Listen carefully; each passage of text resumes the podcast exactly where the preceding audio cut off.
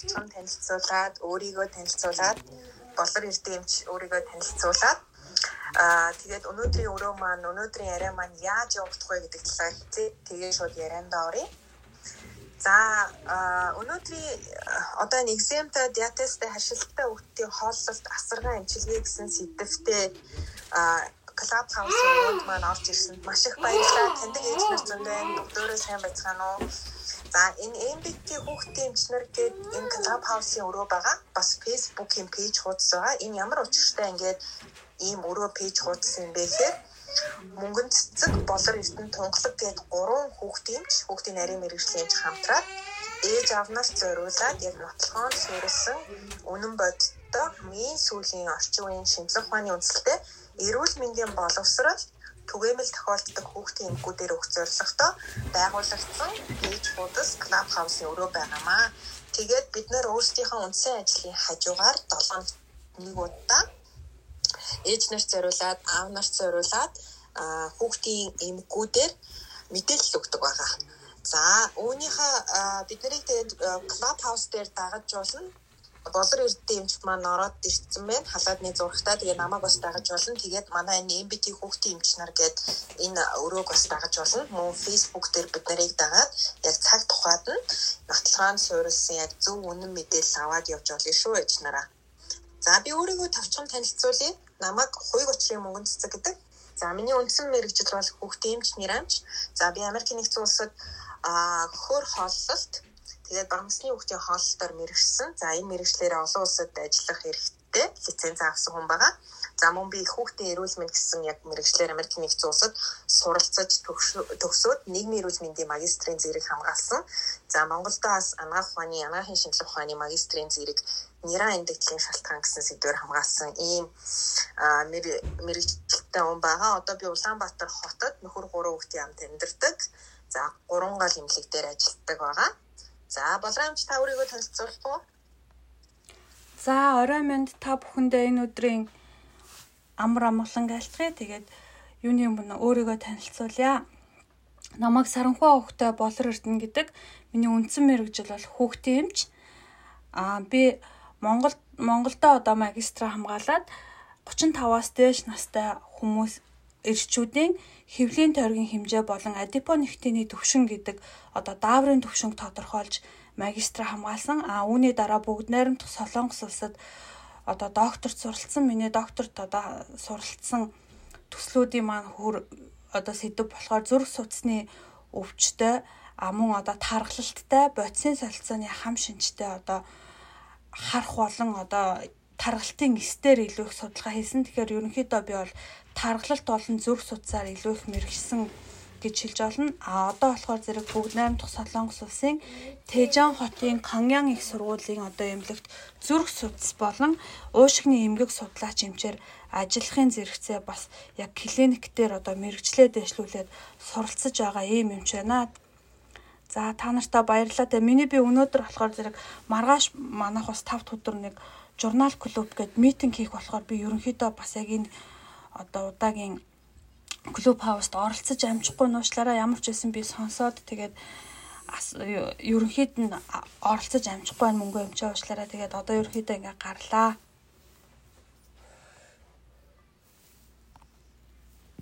За баярлалаа болор эмчээ орж ирээд өөрийгөө танилцуулсан маш их баярлалаа.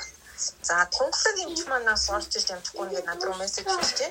Австрал улсад амьдарч байгаа тунгалаг эмч. Тэгээд тунгалаг эмчигээ та нартай танилцуулъя. За тунгалаг эмч маань хүүхдийн эмч, нэрэн эмч мэрэгжилтэй. Аа их хүүхдийн эрүүл мэндийн үндэсний төв их нялхсын няран эмгэг судлалын тасагт олон жил яг няран эмчээр дагнж ажилласан маш туршлагатай няран эмч байгаа. За одоо Австрали улсад мэрэгчлэрээ эрүүл мэндийн боловсрал хариуцсан эрүүл мэндийн монголчууд зориулсан эрүүл мэндийн боловсрал хариуцсан ажилтнаар Сидней эрүүл мэндийн төвд ажилладаг. За мөн олон улсын төслийн менежмент болоод нийгмийн эрүүл мэндийн магистрийн чиглэлээр суралцдаг эмч байгаа. Өнөөдрийн яг клуб хаус маань орж ирж амжихгүй нь ерөнхийдөө бид гурав нөгөө хамтдаа хөтлөж явуулдаг. Өнөөдөр болор эрдэнэ эмч тунгалаг эмч маань амжихгүй болсон тул за миний би хөтөлж явуулнаа. За одоо Ярандаа шууд оръё. За сүүлд орж ирсэн ээж нар аав нартай танилцуулахад өнөөдрийн яриа бол экзем диатез хашилтаа хүүхдийн эмчилгээ хооллолт тасаргааны талаар ярина.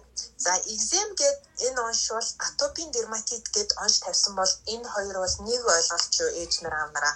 Экзем, атопийн дерматит гэд хүүхдийн эмч, арсны эмч, өрхийн эмчтэй танаа хүүхдэд болоо танд ийм онш тавьсан бол нэгдүгээр тийнийг нэг өвчин гэж ойлгох хэрэгтэй. Хүмүүс хоёр тусдаа өвчин гэж ойлгоод байдаг.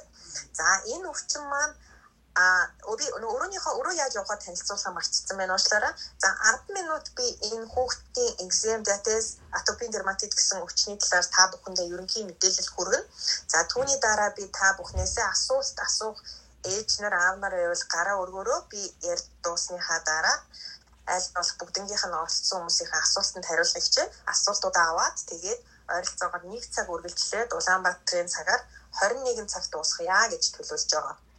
За нэг зарлалын чанартай юм аа гэж хэлэхээс өмнө хэлчихээхгүй бол нөө явцын донд марччих бах. Энэ 4 сарын 4 буюу энэ ням гарагт ээж аав нарт зориулаад exam data-стай хүүхдийн хооллолт тасаргаа амжилгээгээд маш дэлгэрэнгүй сургалт болно. За энэ нь илүү дэлгэрэнгүй мэдээлэл авахыг хүсвэл энэ сургалтанд маань онлайн сургалтанд маань хамрагдаж болно. За яаж бүртгүүлэх вэ гэхээр миний одоо энэ юу руу ороод Clubhouse аккаунт руу ороод энэ дээр манай MBT хүүхдийн эмч нарын Facebook хуудсуулаад миний хувийн Facebook хуудасаар бүртгүүлж болно. Ерөн зарлалтаа бол өнөөдөр оройдоо 50 гэж бодож байгаа. За сургалт маань Zoom дээр явагдана. Онлайн сургалт байгаа. Тэгээд төлбөртөө сургалт байгаа төлбөр нь 24900 өмнө нас яг миний сургалтанд сууж исэн ээж аав нар маань харагчж байна. Би болохоор хөр олдолоод банкны хүүхдийн хоолтоор ер нь сар болгон сургалт хийдэг байгаа. Манай MBT хүүхдийн ячнаар пэйж хуудсан. За одоо тэгвэл үндсэн ярианд оръё. За тэгэхээр ойлгосон exam atopin dermatitis гэдэг онш тавьсан бол энэ бол нэг өвчин, нэг онш байх нэ, нэг ойлголт байна. За хамгийн түрүүнд одоо энэ өвчний онш тавьсан бол миний одоо ээж нар аав нарт их ойлгуулж хэлхийг хүссэн зүйл бол энэ бол архаг өвчин шүү. Энэ бол уушгины хатгалгаа гэдэг шиг, суулгалт гэдэг шиг те. А энэ бол цочмог өвчин биш. Ерөнхийдөө бол бүрэн эмчлэгдэхгүй, бүрэн идэхгүй. Хэрвээ атопи, экзем атопи дерматит, экзем гэсэн унш тавьсан бол энэ архаг өвчин. Өөрөөр хэлбэл сэдрэлийн үе гэж байгаа. Сэдрэлийн үе гэдэг нь шинж тэмдэг илрэх үенүүд намжлын үе гэж байгаа. За тэр тухайн үедээ болохоор энэ өвчний шинж тэмдгүүд илрэхгүй үеуд гэсэн ийм сэдрэл намжил гэсэн үе шатыг яадаг. Архаг одоо насан туршийн архаг хашлын шалтгаантай арсны эмгэг гэж үздэг. Ийм өвчин гэсэн. За ямар шинж тэмдгээр хүүхдэд илэрдэг юм бэ гэхээр захтана, арс нь хураашнаа, улаан тэгээд хүүхдийн толгоо халтдаг ийм шинжүүдээр хүүхдэд илэрдэг. За ерөнхий шалтгаан нь бол бидний нэг удамшлын шалтгаантай гэж үздэг. Хэрв аав ээж хоёр нь хоёулаа харшилтаа, арсны харшилтаа, гуурсан холоон бактериа өвчнөд хамрын саастын харшлын гаралтай хамрын саастын үргэлжлэлтэй те эсвэл хоол хүнсний харшилтай ч юм уу аав ээж хоёр нь хоёулаа гэр бүлийн хоёр хоёулаа харшилтай байвал хүүхдүүд нь ер нь 100% харшлын эмгээр атопийн дерматиттай байх магадaltaй гэж үздэг. За тэгвэл аав ээжийнх нь аль нэг нь харшилтай байвал хүүхдүүдийнх нь 50% нь хоёр хүүхэдтэй байлаа гэж бодоход нэг нь дөрөв хүүхэдтэй байлаа гэж бодоход хоёр нь харшилтай болох магадaltaй гэж яг анаах нь шалтгааныг үздэг байгаа. За жишээлбэл А манай нөхөр бол атопийн дерматиттай. Яг оншин атопийн дерматиттай. Би бол атопийн дерматит байхгүй. Манайх 3 хүүхэдтэй. Манай энэ 3 хүүхдийн хоёр нь яг атопийн дерматиттай. Нэг нь бол наадтай адилхан эрүүл байдаг. Манай хоёр хүү атопийн дерматиттай. Манай нөхөр атопийн дерматиттай. Охин бид хоёр атопийн дерматит байхгүй. Тэгэхээр энэ бол удамшдаг гэсэн үг тийм. За тэгвэл энэ удамшлын яг ингэж атопийн дерматиттай аав ээжээс эсвэл ах эгч нь төрсэн ах эгч нь. За жишээлбэл манай эгч манай ах атопийн дерматиттай байвал би өөрөө миний дүүнэр атопийн дерматиттай болох магадлал нь өндөрсөж явцдаг гэж үздэг. За хамгийн гол энэ атопийн дерматит буюу экзем диатез гэдэг өвчний үед арьс яаж гэмтдэг юм бэ гэхээр бидний арьс маань хүний арьс маань гурван давхрахтай. Үүний хамгийн гадна талын давхаргыг бид нар эпидермис гэж нэрлэдэг. Арьсны хамгийн гадна талын давхарх нь гэмтдэг. За өөрөөр хэлбэл бидний арьсны, хүний арьсны, хүүхдийн арьсны хамгийн гадна талын давхарг маань хамгаалах үүрэгтэй. хамгийн гол үг нь хамгаалах үүрэгтэй. Юунаас бидний бидний бие махбодыг хамгаалт юм бэ гэхээр нэгдүгээр хашил төрүүлэгч зүйл хоёрдугаар арцыг эдэгч хүчин зүйл гуравдугаар нэн гадны өвчин үүсгэгч бидний бие махбодод нэвтэрч орохоос хамгаалах үүрэгтэй хамгийн чухал давхарга байна. За тэгвэл мөн усан алтхаас хамгаалдаг. Бидний бие махбод маань усан алтхаас хамгаалдаг. За тэгвэл энэ эпидермис буюу арсны гадна давхар гимтсэн үед маань арс өөрийнхөө энэ хамгаалах үлийг хийж чадах болчдөг. За тэгвэл атопийн дерматиттай экзем диабеттэй хүүхдүүдэд ийм насан туршид хамгаалах үйл нь алдагддаг байх нэ. За тэгэж ойлгож байна. За тэгээд энэ дээр нэг ойлголт байдаг экземта багада диатезтэй байсан хүүхдүүдийг хоолны үнсний харшилтай болно гэж манай ээж нар аав нар маань буруу ойлгоддөг. Үгүй энэ хоёр яг хоорондоо шууд хамааралтай болохыг ангаах ухаанд ерөөсөө тогтоогоогүй. За хүүхдүүдэд атопийн дерматит маш эрт наснд эхэлнэ. Хэдэн сартаа илэрч болно. Хөхүүл үед нь илэрч болно. Нэмэгдэл хоолны дараа, орсны дараа илэрч болно. Тэ ерөнхийдөө бол хоёр наснаас өмнө илэрдэг. Хоёр наснаас өмнө илэрсэн бол бид нар атопийн дерматит гэдэг оншийг ерөнхийдөө эмч нар тавьдаг байна. За тэгээ арьсан хамгийн гол нь захтан нь өрөвсөн арьсны арьсан дээр байдаг бид нар үсний суганцар гэж ярьдаг, фолликул гэж ярьдаг. Тэдгээр нь ингээд өрөвсөд тэр хэсэг дээр нь тууралтууд гарч болдог. Тийм шинж тэмдгүүдээр илэрдэг. За тэгээд энэ захтнаа бол ерөөсөн үндсэн шинж тэмдэг. Таны болоод таны хүүхдний арьсанд захтнаа байвал энэ атопийн дерматит байх магадлал маш өндөр. За тэгээд энэ захтансх нь шөнийн цагаар илүү байдаг ээж нар аав нараас атопийн дерматиттай хүүхдтэй ээж нар аав нарыг үзээд онш тавиад за харьсан захтандаг уу шөндөө их захтандаг уу уншиж унтаж чадахгүй их тийжлээд байдгүйгээ асуухаар нөгөө анзаараагүй гаддаг. Энэ нь болохоор өдрийн цагаар биш шөнийн цагаар маш түгээмэл байдаг болохоор аав ээж нар маань анзаарахгүй байх тохиолдол байдаг бахан. За захтанхаар мэдээж яах вүлээ? Маажин тий. Маажхаар энэ нь болохоор өрөвсөд нингийн алдураар өндөрж бас болдог байна. За ерөнхийдөө хөнгөн хэлбэр болоод дунд хэлбэрийн үед арсны тодорхой хэсгүүд байдаг. А харин хүндөвтөр болоод хүнд хэлбэрийн үед бие махбодын маш олон хэсэгт энэ тууралтууд нь болоод энэ захтнаа байдаг байна. За нэраа үед болохоор хүүхдэд нүүрэнд байдаг, гаранд байдаг, хүзүүнд байдаг, тэгээд толгоонд нь хаг байдаг. А памперсны эсгэрх тууралт бол энэ атопийн дерматит биш шүү ээж авнараа манайхан дандаа андуураад идэг. Манай хүүгийн, манай охины эмчээ яг энэ памперс өмсдөг хэсгээр нь тууралт гарсан байна. Энэ харшил байна гэд тэгээд тэгэж асуугаад байдаг. Энэ бол атопийн дерматитийн байрлал биш.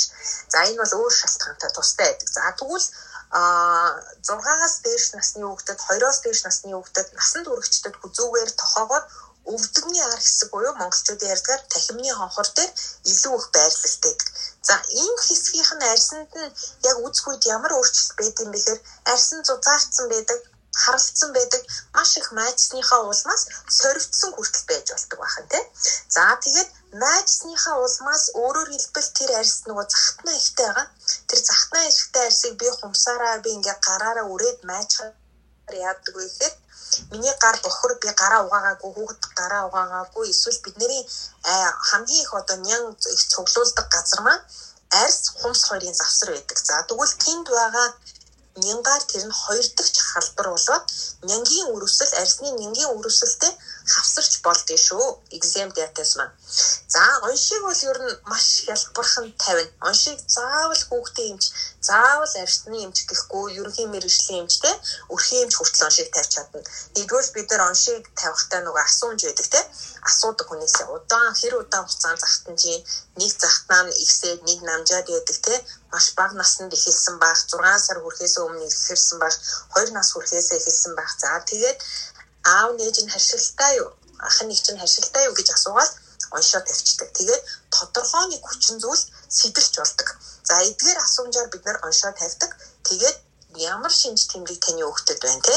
Хизээ нарьсан захтанжийн шөнийн цагаар илүү байна уу юуны дараа сэтэрч юм ямар хоол идсний дараа сэтэрч юм яг хаана нь захтнаад байна. Хаана нь тууралт байгаад байна аль хэсгээрээ майжээд байна гих шинж тэмдгээр оншийг тавьдаг за тэгээ үзэх үед ингээд тууралтынх нь байрлалтай тэдгэрийг үзээд ер нь оншийг бол хялбархан тавьдаг. Энэ дээр нэг юм буруу ойлголт байдаг. Атопийн дерматит гэдэг оншийг тавихын тулд арсны сорил тавилдсан байх хэрэгтэй гэж ойлгоод байдаг үгүй арсны сорил атопийн дерматит экзем диабет гэсэн онцлогооны шалгуурт ногт байдгүй. Миний сая хэлсэн гурван зүйл байдаг. Асуумж хизэнээс ихэлсэн. Тэгээ гэр бүлд нь өвдсөн хүн байгаа юу? Шинж тэмдгээр нь. Тэгээ яг одоо намайг үзэхэд эмчид ирээд үзүүлэхэд хүүхдийн тууралт туурал хаагур байршилтай гэдгээр нь эмч нар хялбархан уншилж чаддаг. За одоо эмчилгээгийн товчхон яриа. Ерөнхийдөө би яг эмчилгээгээ хэлхийн өмнө эмчилгээнийх нь эмчилгээ бол маш ганцхан эмчилгээ ерөөсөй байдгүй. Жишээлбэл уушгины атгалгаа буюу уушгины өрөвсөл гэдэг өвчний үед гол эмчилгээ нь антибиотик эмчилгээ байдаг тийм. За антибиотик ярьсан. Тэгвэл атопийн дерматитийн үед маш олон төрлийн эмчилгээ хийж иж эмчилгээний нэг хэсэг нь аав ээж нарт энэ өвчнийг ойлгуулж иж энэ өвчин маань сэтэрлийнхаа биш намжлынхаа үедээ байлгадаг. Тэгэхээр би хамгийн нэгдүгээрт одоо ойлгуулахыг хүссэн зүйл бол энэ өвчин бол бүрэн эмчлэгдэхгүй гэдгийг шууд хэлэх хэрэгтэй аав ээжэд архаг өвчин гэдгийг хэлэх хэрэгтэй арсны архаг өвчин. За тэгээд сэтээгч хүчин зүйлээс нь зайлсхийх ёстой гэдгийг хэлнэ. Би хэдийгээр тэр хүүхдийг үзээд онцлоод хамгийн сүүлийн үеийн хамгийн сайн эмчилгээ зөвлөөд энэний дагуу ингэж эмчлээрээ гэж зааж өгсөн ч гэсэн таны хүүхэд та тэр сэтээгч хүчин зүйлээс зайлсхийж өөрөөр хэлбэл тэр арьсанд нь захтнаа үсгээд байгаа арьсанд нь тэр өрөвсөл үсгээд байгаа тэр сэдээгч хүчин зүйлээс зайлсхийж чадахгүй бол миний эмчилгээ үр дүнгүй болно. За тэгэхээр энэ сэдээгч хүчин зүйл гэдэгт маш олон зүйл ордог. За хамгийн элбэг тохиолдлуудын эмчийн товчхон нэрлэлчээ хуурай хүүтэн агаад за манай нөхрийн манай нөхөр арсны атопийн дерматиттай гэдэг эмчний хэлсэн те хизээ сэтэрдэг вэ гэхээр өөрөө нөгөө сэтэрдгээч бүр сайн мэддэг болсон. Баарахаар сэтэрдэг арсанд өөрөөр хэлбэл хүүтэн өдөр богино хацуудаа самцтай гарахаар ч юм уу те эсвэл гэртээ ингээд нефт цонхоо онгойлгож чад тодуулахгүй байхад ч юм уу даарахаар нь сэтрээддэг. Тэгэхээр хуурай хүүтэн агаар сэтрээдэг. За хөлөрхөөр их хөлөрхөөр сэдэрдэг бас хөлрөөд цамц нь ингээд наалдаад хөлс нь өөрөөр хэлбэл тэр хөлс бас тэр арсыг атопийн дерматит сэтрэх үндсэн шалтгаан болдог. За стресс хамгийн их нөлөөтэй. За стресс манай хүүхдүүдийн атопийн дерматит нь хизээ сэтрээд байна гэхээр манай том хүү 9-төө баг хүү маань 4-төө одоо 5 өргөж байгаа. Зурагт их үзэх, дэлгэц их үзэхтэй стресстэх. А хүү болохоор том хүү болохоор хичээлээ их удаан хийсэн орой энэ төр унтаж чадахгүй битүү мэжээд мэдрэгдээд байдаг. Тэгэхээр стресс том хүүхдэд том насан туршидч тэр хүүхдч тэр маш их сэтрэх хүчин зүйл болдог. За температурын эрсдэлс нөлөө энэ дээр бага насны хүүхдүүд хүл хүүхдүүд дээр манай ээж нар аав нар маань нөгөө өрөөний температур амьдарч байгаа өрөөний температур хувцалтаа ерөөсөө зохицуулж чаддгүй. Жишээлбэл өнөөдөр надад үзүүлсэн нэг сартай охины ээж нь яаж хувцалсан байсан бэ гэхээр дотор нь хоёр нэмэхгүй өлгөө үлгий гадуур нь нэг зузаан маш зузаан дотортой юм үлгий нөгөө сальт нэвтэрдэггүй гадна талын гялгаар за тэгээд гадуур нь өмсдөг боди өмсдөг юм нөгөө үлгийгөө хийдэг юу байдаг шүү дээ өмсдөг үлгий гэж нэрлэдэг. Тэгээд би үзэх гээд ингээ үлгийг нь тайлсан чи битүү хөлөрцөн явж исэн. За энэ температурын нөлөөг ерөөсөө зохицуулж чадахгүй байдаг. Манайхан манай Монгол нөгөө хүүтний улирал нь удаан үргэлжилдэг эрсдэс ширүүн уур амьсгалтай болохоор нөгөө хүүхдийг даахыг гэхээс их айдаг, өөрсдөө даахыг гэхээс айдаг.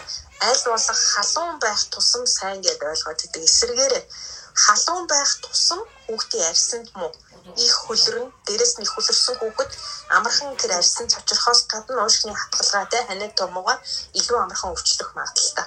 Тэгэхээр атопийн дерматитийн үед тийм температурын эрсдэс нөлөө ажиллахгүй. Өөрөөр хэлбэл та хүүхдээ хэд халууцуулаад ажиллахгүй, хэд даруулаад ажиллахгүй. Хэд даруулах нь арсын цочроогоо захнах шалтгаан болдог байх нь бас хэд халууцуулах нь хөлөргөөд эсэргээрээ арсын захнуулах шалтгаан болдог байна. За тэгвэл янз бүрийн химийн бодис, химийн бодисын гаралтай зүйл арсанд цочруулт маш их энэ нөгөө арсын цочрох нөлөө болдог. Жишээлбэл угаалгын нунтаг те химийн бодис ихтэй ургамлын гаралтай химийн бодис ихтэй угаалгын нунтаг ашигладаг жуулна хувцсын нүлгийг нь угаахта за эсвэл өдрөө болгон шампунь савн хэрэглээд байдаг. Няраа хүүхдийг өдрөө болгон усанд оруулах нь зөв зөв. А гэхдээ 7 хоногт нэгээс 2 удаа шампунь савн хэрэглээд толгойг нь болоод биеийг нь угаах хэрэгтэй гэтэл ээж нар аав нар маань юугээд ойлгоцсон байдаг вэ гэхээр өдрөө болгон усанд оруулаарай гэд хүүхдийн эмч нэраач нэг өгүүлбэр хэлчихэд усанд орох болгондоо шампунь савн хэрэглээд би хүүхдтэй угаах хэрэгтэй гэж ойлгогддог. За тэгж угааснараа нэгдүгээрт нь арсын чочроож байгаа. Тэр тэр угаалгын одоо тэр бие угаагч шингэн болоод усны шампунь дотор байгаа химийн бодисоор нэгдүгээр цочроож байгаа. Хоёрдугаар арсны нөгөө чиглэг байдлыг алдагдуулчихж байгаа. Арсны чиглэг байдал алдагдахаараа арсны нөгөө өнгөн давхрах эпидермисийн хамгаалах чадвар нь буурчдаг байна. Тэгэхээр гих мэдчлэн буруу арчилгаанаас болоод энэ сэдрэх шалтгаанууд болоод иддэг. За мэдээж хооллолт маш их нөлөөлнө.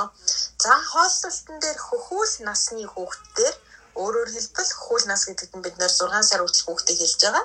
6 сар хүртэл хүүхэд дан гөхөр олох ёстой.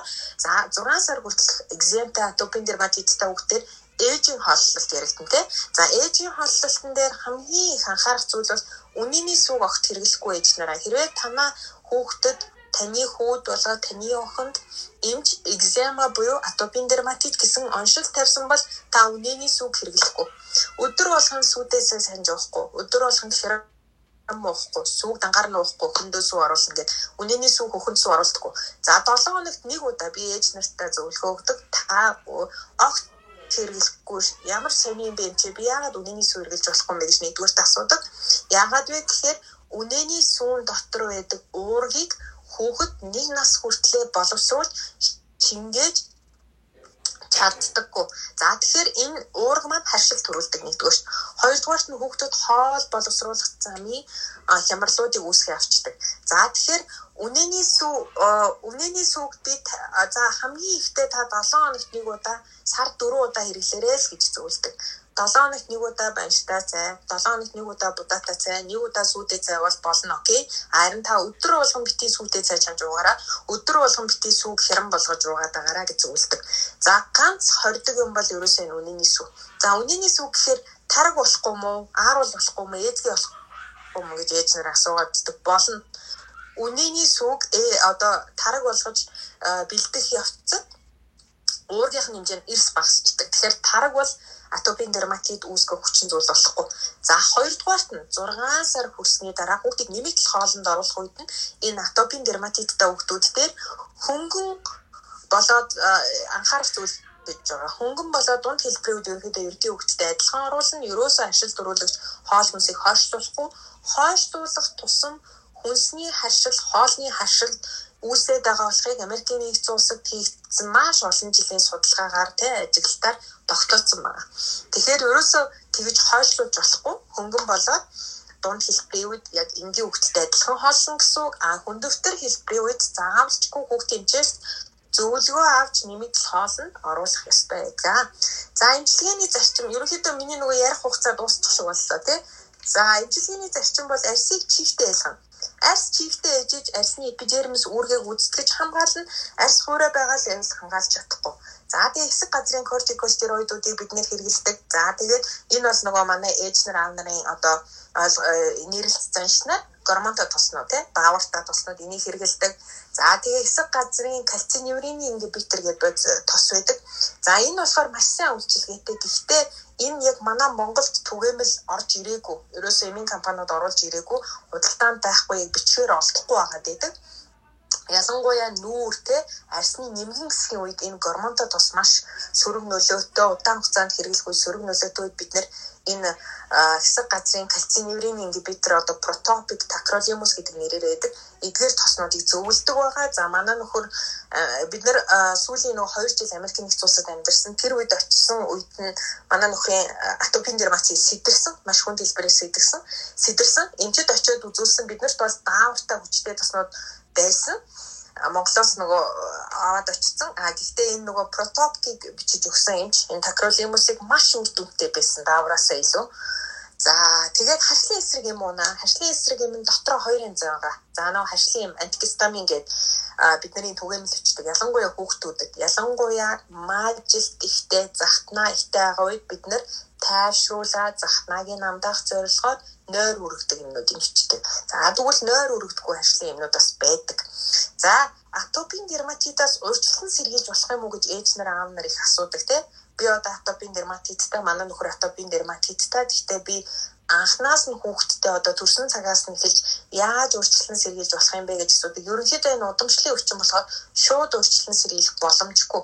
А гэхдээ бид нар яаж болох вэ гэхээр арсны чиглэг байдал, арсны нөгөө эпидермисийн чиглэг байдлыг хадгалснараа бас тодорхой хэмжээгээр шинж тэмдгийг намжааж урьдчилан сэргийлэх боломжтой гэж үздэг байгаа шүү. За ерөнхийдөө би нэг 10 минут ярина гэсэн чинь бараг 20 20 минут ярьчих шиг боллоо уучлаарай. За тэгээд сүүлд орж ирсэн ээж нартай ээж аав нартай дахиад зарлалаа хэлье. Энэ бүтэн сайн өдөр 4 сарын 4-ний өдөр өглөөний 9 цагаас яг натопин дерматит миний дөнгөж сайн ярьсан юмнууд маш дэлгэрэнгүйгээрээ те а онлайн сургалт байгаа. Энэ сургалтанд бас хамрагдах хүсэлтэй ээж аав нарын хувьд бүртгүүлж болно. За асуултууд авах уу? За манайхан асуулт байвал гараа өргөрөө би шууд дээш нь оруулаад тэгээд микэ нэгээд асуултуудаа асууя.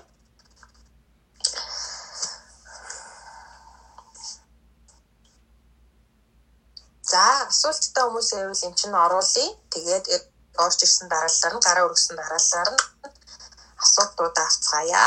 Микэ түр хааж байгаараа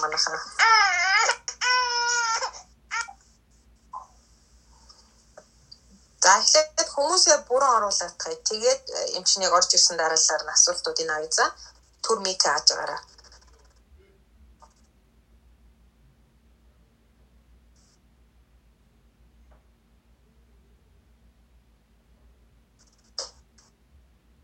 За, одко аза аза хоёр дээшээ гараад ирсэн байна. Асуултаа асуух уу?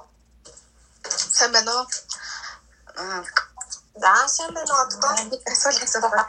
Манай хүүхд бүр 2 сартай байхаас эхлээд анх атопийн дерматиттэй л онцлогдоо. Тэгээд тухайн үед нь үдчихсэн юм чинь болохоор нөгөө хоолны дэглэм сайн барай ингээд аа 8 сар юм уу 2 нас хүрээд аяндаа идэгдэх шүү янз бүрийн тийм хашил төрүүлгээс юм битээ ягаараа гэдээ анх хэлчихсэн баггүй. Тэгээ би тухайн үед айгүй сайн дэглэм байрал янз бүрийн мөрөс өгөхгүй байжгаад хоёр нас хүргэсэн. Тэгээд хоёр наснаас хойш бол хамаагүй ингээд идэж байгаад хэлсэн. Тэгээд ерөнхийдөө гайгүй хэрнээ яг нэг юм хэсэг газар одоо нэг хүүснээс жоохон баруун тал юм доор хариун гэх юм гид цавцаа нэг хэсэг биржээгээл тэгээд тос түрхээ, чигшүүлэх тос түрхээ, локойд энэ төр түрхээ баг зэрэг тэгээд намдчаал тэгээл хэсэг байж байгаа нь гараал ерөөсө бүрэн зүгээр болохгүй байх юм. Тэрийг одоо яаж зүгээр болох хэвтэй юм болоо. Тэр талаар та зөвлөж. За асуулт асуусан Откодо баярлалаа. Хүүхэд нь одоо хэдэн настай вэ? Хүүхдийнх нь насыг хэлээгүй баг сая. Дөрөв тийм дөрөв настай. Аа за за баярлалаа. За ер нь бол яг юм чинь яг хамгийн эхлэхээс ахуулаад хийсэн экзем атопийн дерматит гэдэг энэ өвчин бол ахаг өвчин. За 2 нас хүртэл нь ерөнхийдөө арсыг зөв арчлаад тий арсыг зөв арчлаад за хооллолтоо зохицуулаад яг хүүхдийн эмчийн хяналтан доор арсны эмчийн хяналтан доор эмчлүүл бид нар хүнд хэлбэрлүүл хүндөвтөр хэлбэрлүүл шийдвэрлэхгүй гэж үздэг болохоос яг л экзем атопийн дерматит мөн л бол энэ бол архаг өвчин. Нас нь бүрэн эмчлэгддэггүй намжил сэтрэл чи сая хэлж дээ заримдаа гайгүй болчоод идэг би бол 2 нас хүртэл маш их хоолны дэглэм барьсан гэж байна. Тэгээд заримдаа сэтрчээд идэг. Тэгвэл сэтрэх хүчин зүйл байна. Хэрвээ эмчийнхээ яриг эхнээс нь сонссон бол сэтрэх ганцхан хоол гэж манайх ойлгоддог үгүй. Хоолноос гадна маш олон төрлийн сэдэх хүчин зүйл байдаг шүү. За хоолтой холбоотой энэ чинь одкогийн асуултанд үргэлжлүүлээд нэг өөртөө яг тохиолдсон жишээнүүдийг хэлцдэг хэлчихэ. За манай арсны эмч нар зарим нэг хүүхдийн эмч нар маань махнаас өөр гурилнаас өөр юм хөхүүлээж идэж болохгүй махнаас өөр гурилнаас өөр юм танаа өгöd идэж болохгүй гэсэн зөвлөгөө өгсөн байдаг. За энэ маш буруу шүү энэ хоолны нэр төрөл буурсан толботой хүний дархлаа маш сулардаг. Энэ саяхан надад нэг сарын өмнө дөрвөн сартай хөхүүл ээж хүүхдээ арсны өвчин судлалын төв 100 айлын эмнэлэгт үзүүлээд арсны эмч а хүүхд натопин дерматит гэдэг онц тавиад маш хатуу хоолны дэглэмийг тэр ээж зүйлсэн байсан. Ерөөсөө тэр ээж юу идэж ууж болох юм бэ гэхээр ус ууж болно, цай ууж болно, мах идэж болно, гурил идэж болно. За тэр ээж энэ хоолны дэглэмээр 7 хоног хооллоод хөхөн дотор байгаа зангирал нь өрөвсөд хөхөн дотор байгаа сүүний зангирал нь өрөвсөд хөхний идэ төрөсөл буюу мастит болоод наад дээр ороод ирсэн. За би тэгээд нөгөө мастит гэдэг оншоод харчаа тайлбарлаж өгөөд ээжээсээ асуумжаа асуусан чинь ээж 7 хоног тийм хатуу хоолны дэглэм буюу дархлаас удруулах хоолны дэглэмээр явсан байсан. А тэгтээ тэр ээж 7 хоногийн хугацаанд хүүхдийнхэн атопин дерматин тууралтандаа ямар нэгэн сайжрал байхгүй байсан. Тэгэхээр энэ хоол дээр бас манайхан буруу ойлголттой яваад идэг зөвхөн мах идэх ёстой, зөвхөн гурил идэх ёстой, өөр юу ч идэж болохгүй. Энэ буруу. Тодорхой нэг төрлийн хоолмос байгаа. Энэ талаар дэлгэрэнгүй сургалтын дээр яригдсан. Тэрнээс зөвхөн мах гурилаар атопин дермат гэсэн хоолны цэсээр атопин дерматит насан туршидтад болоод хүүхдэд эмчлэгдэхгүй шүү. За тэгэхээр одкогийн 4 настай хүүд эм чинь бол яг атопин дерматит гэдэг онцтой нь бол яг үзээгүй ч гэсэн яг асуумжаас нь ингээд сонсоход бол атопин дерматит байна. А тэгээ илүү дэлгэрэнгүй мэдээлэл аваад яаж намжлынх нь үед нь бид нар л удаан барих хэрэгтэй тийм нөгөө сэдрэж байгаа хүчин зүйлийг орлоод тэхийн тулд нөгөө илүү дэлгэрэнгүй асуумж асуух шаардлагатай болохоор үзүүлж болно онлайн зөвлөгөө авч болно. Эсвэл манаас сургалтанд энэ бүтэн сайн өдөр болох сургалтанд сууж болно. Шүү за баярлалаа. Аа за баярлалаа амт. Ийм тэгээд нөгөө нөхөр битгаар хоёлаа юугүй байхад ийм байж болох уу? Битгаар ямар ч асуудал юугүй байхад эсвэл нөгөө жирэмсэн үеийн хаалт ч юм уу тиймэрхүү юмнаас нөлөөлт юм болов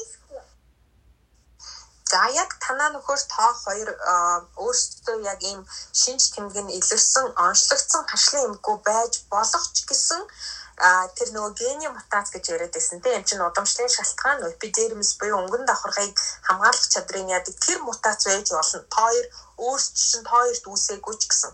За жирэмсэн үеийн хооллолт яг тодорхой хэмжээгээр нөлөөлдөг. Жирэмсний сүүлийн 3 сарын хооллолт нөлөөлдөг болохоос ш нөлөөлтгөл гэж үздэг үздэг болохоос ш яг шалтгаан бол ерөөсөө биш. Шалтгааны нэг удамшил гэж үздэг тийм. Энэ нөгөө гений гэж яриад байгаа удамшил гэсэн. За баярлалаа асуулт асуусан. Аа нөгөө олон хүмүүсээс асуулт аваад хариулахын тулд эмчин та нар бодож байгаад яг чухал гэсэн нэг л асуултаа асуугаараа тэрэнд нь хариулъя за. За дараагийн ээж микэ нэгээд дараагийн хүн маань микэ нэгээд шууд асуултаа асуугаараа. Азаа байсан тийм. Аа уучлаарай. Манай хүүхэд үүдээд байна. Би нэг хүүхдэд дугаалах чинь нэг асуулт асууя. Тийм болно. За дараагийнх нь цэмэ цэмэ байсан уу? Цэм байсан бах тий? Аа за. Цэмэ нэрээ орой минь. За орой минь. Тийм асуух гээд манай хүүхдтэй хуулийнаа таньтай хашаад асуусан. Манай хүүхд нөгөө нэг 6 сар а нэмэгдэл хаалсан дараад одоо яг 20 онд байгаа байхгүй. Тэгээд хэд онд нөгөө нэг алим өгсөн чинь тэрнээс нь болоод хаслаад энэ би энэ дээр ингээд нөгөө туурал гараад ирсэн. Тэгээд би шууд ажиллах байсан байхгүй юу. Тэгээд нөгөө нэг гидээс хаваар нь жоохон туураад одоо болохоор бүр нуруур нь туураад байгаа. Аа. Тэгэхээр саяны нөгөө таны яриаг сонсч байгаа болохоор яг тийм тийм газраас туурдаг гэх юм гээд нуруу ороагүй болохоор энэ одоо атоми ато юу диатез биш үү ато атоми терматит биш үү За баярлалаа юм чинь асуултанд нь хариулъя юм ээ.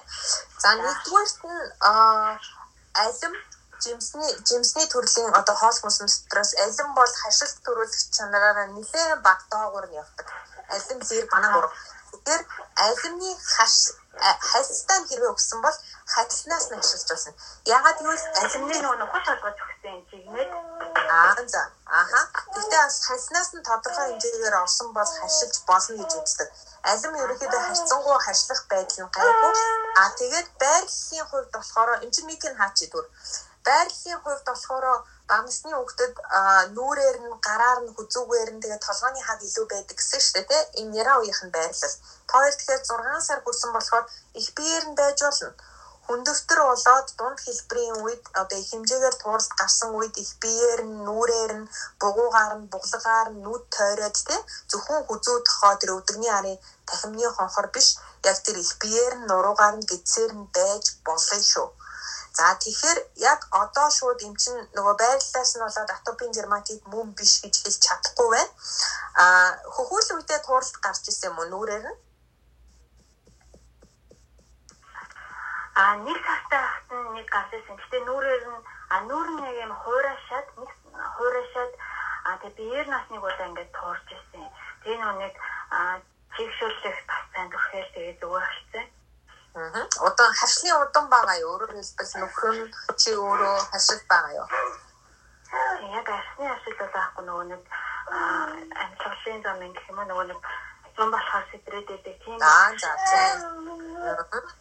За аа заавал арсны харшил биш шүү. Би нөгөө буруу ойлголт өгсөн байж магадгүй. Аав ээж хоёрын заавал атопин дерматиттай байх биш. Гуурсан улаан бактериа шуугантай амьсгал за эсвэл хамар ам битүүрээд нулимс гоождаг те яг харшлын улирал эхлэхээр тийм харшилтай бол энэ бас нөгөө ген мөн гэсэн үг удамшлын шалтгаан мөн гэсэн үг.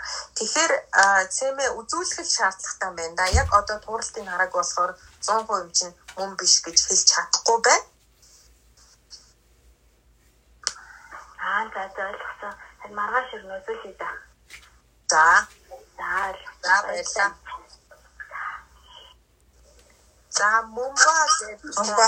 Аа сайн байна уу? Аа нэг сандрын ээж наа мөхтэй. За сайн байна. Өчигдөр үзэлээ. Өчигдөр үзэлсэн. Оо за мөхтэй. Аа. Би тэр нөгөө тасаа түрхэд айгүй айтайхан л болоод байна. Цааш миний баг асуусан түрүүнд хариулчлаа да ер нь насан туршдаа ер нь идэх үйл гэж суух гэдсэн. Тэгээд бас сууж болохгүй юм чинь тарг ууж болох юм болоо тарг чинь бас тарг болно. Одоо нөгөө тарг хэдийгээр нөгөө сүүнээс гаргаж авдаг гэсэн таргийг үүрэх явцад уург нь багасчихдаг байхгүй маш багасдаг. Тэгэхээр таргнаас ерөөсөө юу авахгүй бүхэд хашихгүй үнэний сүшиг. Эсвэргээрээ тарган дотор нөгөө ашигтай юм байгаа. Ашигтай юм байгаа. Энэ ашигтай юм хашилтай өгдөд маш сайн баг эмчилгээний нэг бүрэлдэхүүн хэсэг гэж явдаг. Өөрөөр хэлбэл гидсний өнгөр зузаан, бүдүүн гидсэнд байх, хоол боловсруулах зам, амны үндэд байх, ашигтай нингийн тоо их байх тусам хүүхэд тэр хашлын сэдрэлт нь бага байдаг гэдэг ийм судалгаанууд байгаа. Тийм. Тэгэхээр тараг бол зүгээр болно. Сайн байна. Obvious. Тэгээд бүрэн.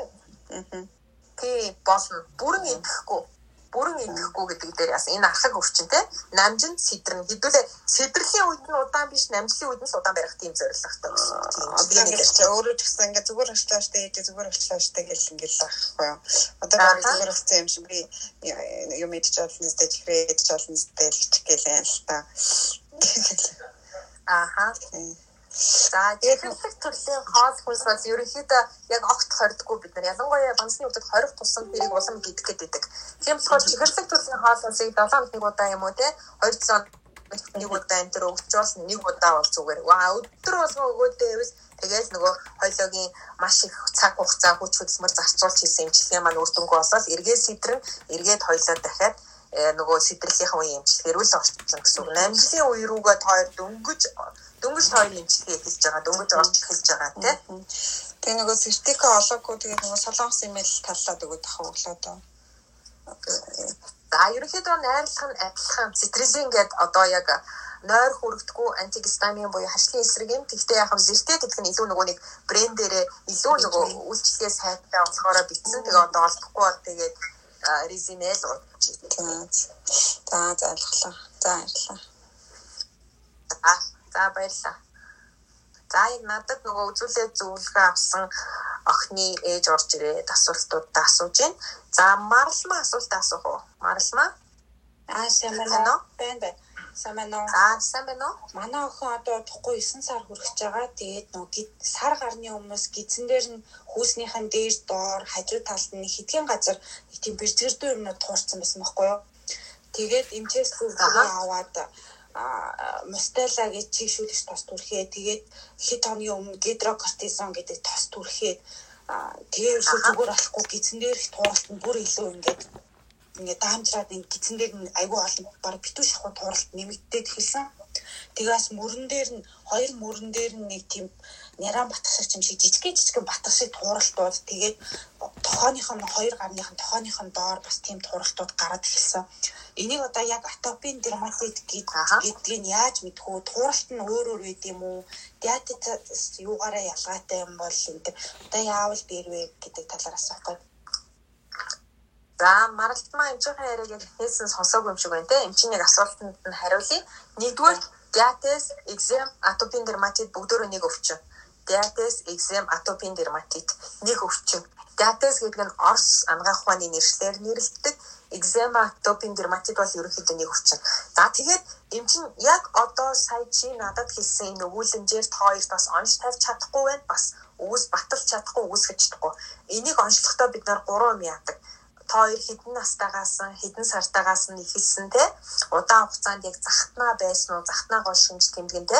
За удамшил байна уу та ээж аав хоёр нь харшил байна уу ах эгч нар нь харшлын эмгүүд байна уу юунд сидэрж гин тэрийг асуун тэгээд одоо яг хүүхдэд нь байгаа шинж тэмдэг одоо тууралтуудыг үзэж байгаа л тавина. Ер нь чиний хэлсэн байрлал бол яг типичний буюу яг тэр байдаг байрлалууд нь биш байна.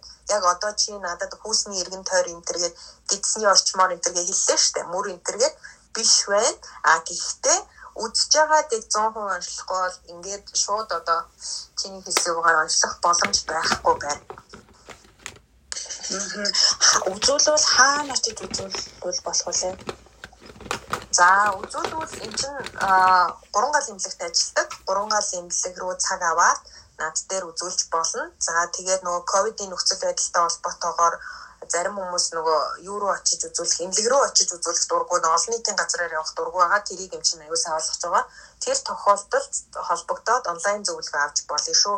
Facebook-оор холбогдоод нөгөө Clubhouse мессеж байхгүй болохоор Аа за таны мессенжер рүү холбогдвол болох юм байна тий. Тэгвэл болсон тий. Аа. За за за баярлалаа. За баярлалаа. За мандах баяр уран байгаль асуулт асуух уу? Сайн байна уу юмчээ? За сайн байна уу? Аа би танаас нэг зүйл тодруулж асуух гээд манай охин нэг 3 хоногийн хугацаанд ингээд юу яасан? Аа нэг халууцаад яг нэлээ халууцсан чи яг энэ толгой хаваар нь ингээд тууралт гараад тэгээд тэрийг ерөөхдөө бол ямар нэг нөгөө ийм хэрэглэлгүйгээр ингээд нөгөө нэлээд сэрүүхэн байлгасан чи ингээд арилсан байхгүй юу? А тэгээд тухайн үедээ манай хүн болохоор ингээд нөгөө толгоогоо жоохон маажаадсан байхгүй юу? Аха. Тэгээд яг ээж аваа хоёр нь болохоор хоёулаа нөгөө хашил байхгүй. А тэгээд тухайн хүүхд маань яг тэрний дараа одоо бараг 2 сарын өмнө а тэгж нэг юу одоо чихнийхэн дээдлэр ерөнхийдөө бол тууралт нь гарсан. Тэгээд саяхан нэг халуун тулсан чинь дахиад нэг баг зэрэг гарчаад тэгээд сэрүүхэн болонгууд ингээд зүгээр болцсон байхгүй юу. Тэгэхээр энийг ер нь лавлж эмчэд үзүүлээд ямар нэг эмчилгээ хийлгэх шаардлагатай юу? За нэгдүгээрт хүүхэд нь хэдэн настай вэ? Хүүхдийн нас тийм 5 сар хүрэх гэж байгаа юм чи. За 5 сартай. Тэгэхээр одоо 5 сар хүрэхээс өмнө халуудсны дараа тууралтууд нь гарч эхэлсэн юм байна те. За энэ нь бас яг сая нөгөө марламагийн асуултанд хариулахтай хэлсэн те бид нар бол атопийн дерматитийг ганцхан хүүхдийн эмч, арсны эмч гэлтгүй ер нь ерөнхий мэрэгжлийн эмч, өрхийн эмч бид нар бүгдөө оншилж чадна. Оншлоход маш амархан. Аа тэгээд яг нарийн нөгөө асуух юмнууд байгаа хгүй яг хэдэн сартаагаас та хоёрт хавшил байгаа юу за одоо шинж тэмдэг нь юунд сэтэрж ийсэн. Тэгээд яг эн чинь өөрөө хүүхдийн үзээд тууралтуудыг харж байгаа. Мөн байна биш вэ гэдэг оншийн үг нь а яг нөгөө температур хэд халууцуулсан хэд даруулсантай холбоотой энэ сэдвэгч хүчин зүйл мөн үү гэвэл мөн атопийн дерматит экземийн сэдвэгч хүчин зүйл мөн. А гэхдээ халуудаад гарсан тэр тууралт болгоныг шууд бас атопийн дерматит гэж онш таахгүй яг нөгөө үзэж байгаад асуумжаа нарийн яг ингээд та эдээс нарийчилж асуух юмнууд байгаа байхгүй тэрийг асуугаад үзэж байгаад оншоо тавина гэсэн үг. Аа за тэгэхээр ерөнхийдөө бол эмчэд үзүүлэхэд бол буруудахгүй мэн тий эмчэд үзүүлээд ер нь тодорхой мэдээлэл авах хэрэгтэй юм байна. Зөв үү эмч? Яг зөв. Яг зөв. Угаасаа эмчэд үзүүлэх ёстой. Эмчэд үзүүлэх ёстой. А тэрнээс манай ээж нар би нөгөө энэ сургалтынхаа зараа тавих гад олон ээж нарын групп байдаг Facebook дээр маш олон тийм постууд би харж исэн. Тууралттай э, хүүхдийнхаа нүүрний тууралтны зураг те дахины одоо тууралт байгаа зургийг тавьснаа ээж нараа энэ юу вэ энэ дээр зөвлөгөө өгөөч гэх. Тэгээ доор нь манай ээж нар яхаа өөрсдийнхөө мэдлэгийн төвшөнд зөвлөгөө өгсөн байдаг. Тэр зөвлөгөөнүүдийн ихэнх нь одоо шинжлэх ухааны үндэсгүй атопийн дерматитыг эсрэгээрээ сэдэх зөвлөгөөнүүд өгсөн байдаг. Тэгэхээр би ямар нэгэн ийм арсны өвчнийг хөнгөн гэж үзэхгүй яагаад гэвэл энэ насан туршийн архаг арсны эмгэг болдог. Жишээлбэл манай нөхөр энэ сэтэрсэн үедээ амьдралын чанарт нь шууд нөлөөл нөлөөлдөг зан чанарт нь тий хөдөлмөрлөх чадвар, ажиллах чадвар, харилцах чадвар тэгээд энэ маш ерөнхийдөө бол архаг ноцтой өвчин гэж үздэг. А уушгины хатгалгаа суулгалт биш бол манай ээж нар аав нар тоохгүй ноцтой биш юм чинь гэж ингээд тоохгүй өөртөө ингэж явж байгаад яг бүр хүндөвтөр болоод хүнд болсон хойно энийг эмчлэхэд маш их цаг хугацаа мөнгө төгрөг тий хүүхдэд нь ч гэсэн тийм нөгөө давхар хүндрэлүүд гараад ирдэг. Эмчилгээний үед Тэгэхээр эрт хугацаанд нь үзүүлээд оншоо яг зөв тогтоолгоод атопийн дерматит мөн байна уу эсвэл контактны дерматит гэж байдаг. Тэр нь болохоор ямар нэгэн арьсан дээр хүрэлцээд тэр хүрэлцсэн үед нь л арьсан нь өргөсдөг. Атопийн дерматит бас өөр гэсэн үг. Тэр байна уугүй юу гэдгийг яг эмч үзчихэж л онштой. Тэрнээс нэг зураг тавиад тэр зургийг шууд би би ч гэсэн зургаар оншилахгүй би хүүхдийн үзчихэж тэ нарийн асууж авах тийм. Нарын групп интерес асууж болохгүй. Ер нь бол би сургалт болгон дээр хэлдэг ээж нар өөрийнхөө хувийн туршлагаа яахав хуваалцаж болохоос биш таны хүүхдэд заасан эмчилгээ миний хүүхдэд тохирохгүй. Миний хүүхдэд хүүхдийн эмчийн заасан эмчилгээ таны хүүхдэд тохирохгүй гэдгийг ойлгох хэрэгтэй. Хүний бие махбод болгон өөр, миний хүүхэд өөр, миний гурван хүүхэд гуруулаа өөр те бид нар дахин давтагдчихгүй яг эмч таны өвдгийг үзээд э, тэр ихний цэцгээ дулмаагийн өвдгийг үзээд онш тавьсан онш эмчилгээ зөвлөгөө хизээж копи паст хийж өөрийнхөө өвд дээрээ туршиж болохгүй шүү ээж нар хавнараа. За баярлалаа. Ойлголоо юм чи маш их баярлалаа. За баярлалаа. За одон чимэг жамба ороод микэнийг асуулт асуух уу? Сайн байна уу юм чи? За сайн байна уу? Аа би яг эхнээс нь үзэж чадсангүй саяхнаас сонслоо. Гэтэ ерөөхдөө асуух гэсэн юмнуудын хариулт бас мэрсэр гарч ирж байна. Аа энэ тал манайх хоёр дөрөвт таахгүй юу. Тэгээд хоёр нь тагаа хоёр нь бор. Тэгээд хоёр жоохон цагаан яг ийм болоодох юм. Нэг нь 4 настай, нэг нь 6 сартай. Тэгээд хоёр бор хүүхэд нь болохоор 12-тэй, 2-тэй ингээд ийм одоо би тэгээд ингээд дөрөв хүүхдтэйгээ ингээд ажиглаад хахаар яг хоёр нь нөгөө нэг эрт үед нь хөхнөөс гаргацсан баггүй юу би? Нөгөө хамгийн том дээр оюутан байж байгаад гаргаад хоёр гурав дахь охин дээр болохоор ажил яг ажлынхаа нөхцлөөс олоо гаргаад а энэ хоёр дээр нөгөө хувийн юм идэг болохоор яг хүлж тараа. Тэгээд өхнөөс нь тэгээ миний яг идэж уусан юмнаас л болоод энэ хоёр хөгсөн хүүхэд маань ингээд байгаа байхгүй юу гэж би өөртөө дүгнэл тавиад байгаамаа тэгээд эхнийхээ дөрөв настай охин дээр бүр идэгчийн маань гэл ингээд явсаар хагаад ингээд одоо хүртэл идэхгүй амар өдөр болгон харахад амар харамсалтай гэдэм аа. Тэгээд 6 сартай хүүхэд маань бас одоо яг сарын өмнөөс ингээд ингээд нөө гидсэн дээгүр нь нүүрэн дээгүр нь яг их чигээ ингээ юм туурч эхлээд байгаа. Тэгээд үзүүлэх шаардлагатай маань гэдгийг ойлгочоод байгаа. Тэгээд сайн хичээвэл юу хоёр наснаас өмнө идэж болдог гэсэн тэр тэр тал дээр та зөвлөгөө өгч миний нөхцөл байдлын хувьд За баярлалаа. Энд чинь асуултанд нь хариулсан баярлалаа. Яг эмчийнхаа нэг хэлхээ мартсан нэг зүйлийг нөгөө хариулах боломж олгосон асуултанд баярлалаа. За хөхөр хооллолт бол хөхөр хооллол атопийн дерматит, экзем болоод бусад харшлын өвчнөөс хамгаалдаг гэж нараа. Энэ бол маш сайн хамгаална. А ер нь бол одон чимэг сайн анзаарсан байна. Энэ хөхөр хооллолтоос холбоотой байсан уугүй юу гэдэг тийм. Хөхөр хооллолтын үед хэвийн хүүхэд маш өндөр тунгаад авдаг Хөхний суун дотор нь хэвийн юм байдаг. За дээрэс нь бидний арсны гадаргуу дээр хүн болгоны арсны гадаргуу дээр хэвийн юм байдаг. Хүүхэд ээжээсээ мэмэ гэх явцдаа энэ юуг авдаг, хэвийн юм авдаг. За тэгвэл данд хижээвэр болоод холимог хоолтын үед хүүхэд угжаар хоолж байгаа тохиолдолд нэгдүгээр найруулдаг сүү буюу сүүн холимог дотор хэвийн янгийн агуулмж маш бага байдаг. За хоёрдугаарт нь угжаар хоолж байгаа үед угжны сооскон дээр хэвийн ян гэж өгдөг байхгүй тий. Тэгэхээр хөр ололт бол нэгдүгээрт хамгаалдаг. За хоёрдугаарт нь яг бүрэн эмчлэгдэхгүй. Хэрвээ яг атопийн дерматит эмч хүн үзээд хүүхдийн эмч, арсны эмч хүн үзээд атопийн дерматит гэдэг онш тавьсан бол энэ бол архаг өвчин, бүрэн эмчлэгдэхгүй. За ямар өвчнийг архаг өвчин гэдэг вэ гэхээр энэ бол сэтрэл намжлын үедээ Тэгвэл атопийн дерматитын эмчилгээний гол зорилго бол ерөөсөө сэдрэхгүй намжлын үед нь удаан барих тийм зорилго байдаг. За хоёр нас хүртэл нь бүрэн эдэгдэг гэсэн энэ ойлголт бол буруу ойлголт. Ерөнхийдөө хоёр нас хүртэл нь хүүхдээ зөв хооллоод арсын зөв арчлаад арсныхан тэр сэдэгч хүчин зүйлийг нь олоод тэр хүчин зүйлээс нь сэргийлж чадвал хүндөвтөр болоод хүнд хэлбэрлүүл шилждэггүй гэсэн. Тэрнээс яг бүрэн идэхгүй шүү. Яг экзем атопийн дерматит гэдэг мэрэгжлийн эмч үзэл онш тавьсан бол энэ онш нь бол байгаа. Сэтрэн а харин сэтрэхгүйгээр намжлынх нь хугацаанд эмчилт үзүүлээд зөв эмчилгээ хийлгээд арьсаа зөв арчилсан тохиолдолд хоёлоо нөө сэтрэхгүйгээр яаж болно намжлынхны үдээр нь удаан хугацаанд байж болно л гэсэн үг. Тэгэхээр эмчлэгдэхүү гэвэл эмчлэгдэн а тэгтээ яг өөрсдний хатгалгаа суулгаалч гэдэг юм уу цочмог өвчин шиг тэгэж бүрэн идэгдэхгүй л байх нь тий. Эргээд сэтэрч болдог гэдгийг ойлгох хэвээр. Тийм болохоор энэ яг чи нөө эхнээс нь сонсоогүй болохоор дахиад хайлтаад хэлчихье.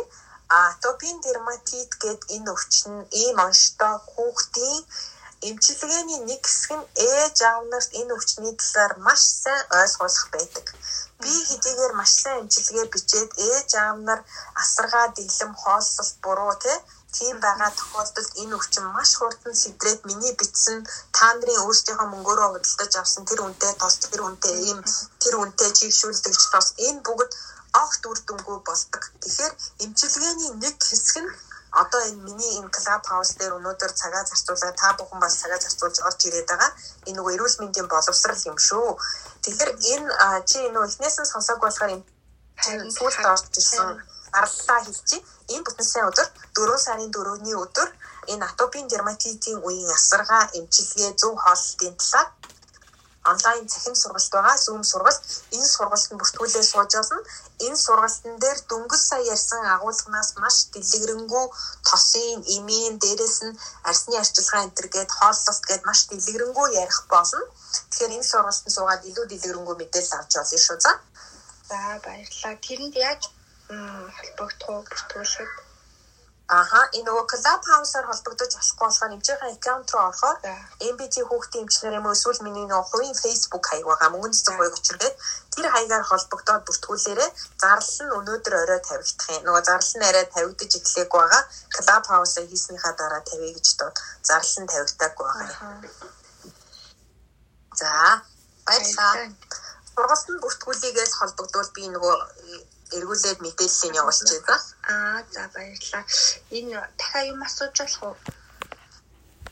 За ер нь бол нэг ээжээс нэг асуулт гэж байгаа. Хэрвээ доороос нэг хүн орж ирэх гэдэг тэр орж ирэхгүй бол би асуултанд нь хариулъя. За одоо чингээ бусдаа их боломж олохын тулд за асуултаа хоёр ээж аа байсан асуултаа дээшээ гарч ирээд асуугаараа би юу атсан шүү орж болно гэд э, дэше өгсөн шүү.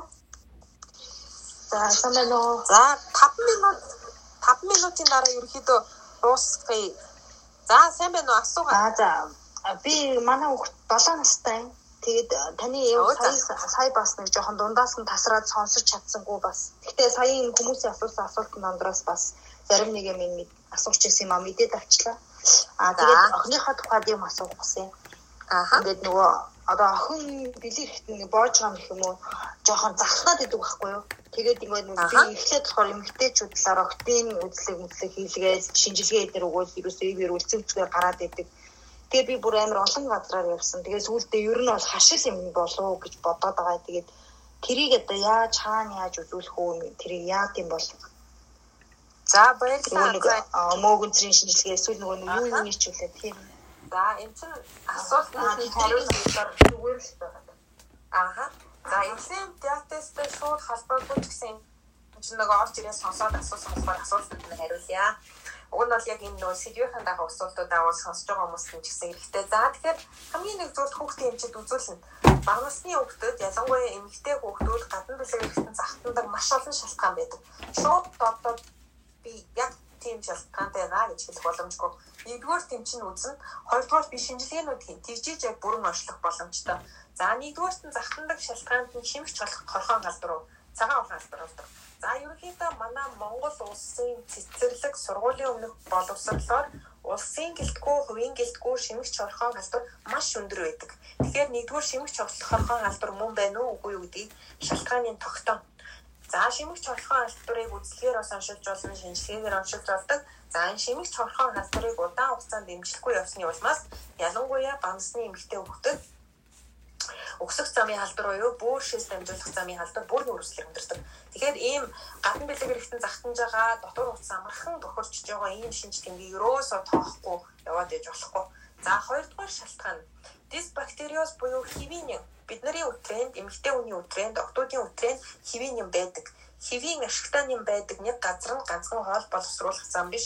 Өтрээний хэвийн юм байдаг. За тэгвэл энэ хэвийн нэмгийн тэнцвэртэй байдал алдагдах тоон буурах маш олон шалтгаан байдаг гэж нараа Нэгдүгээрт нь антибиотикийн замбраагүй хэрэглээ, ойр ойрхон ханиад хүрсэн, ойр ойрхон антибиотик хэрэглэсний улмаас тэр өтрээний хэвийн ян алдагдсны улмаас хүүхдүүдэд мөгөнцийн алдар болоод захтанж болдог. За гуравдугаар захтнах шалтгаан нь бол ерөнхийдөө бас ховор гэхдээ бас байж болно. Тэр хэсэгт нь тууралтууд гардаг. Ямар нэг вирусын гаралтай тууралт байж болно. Маш их нөгөө маажаад те захтнаага маажаад хоёр дахьчоор нингээ алдураа гүндрээд тууралтууд гарч болдог. А яг атопийн дерматит экзем харшлын туралд өтрээ орчим бэлгийн их баг уруулын орчимд гарах нь ховор шүү. Энэ яг байрлал нь бол биш.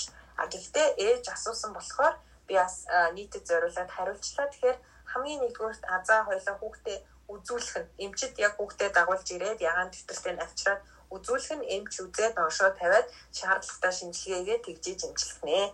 За баярлалаа асуулт асуусанд.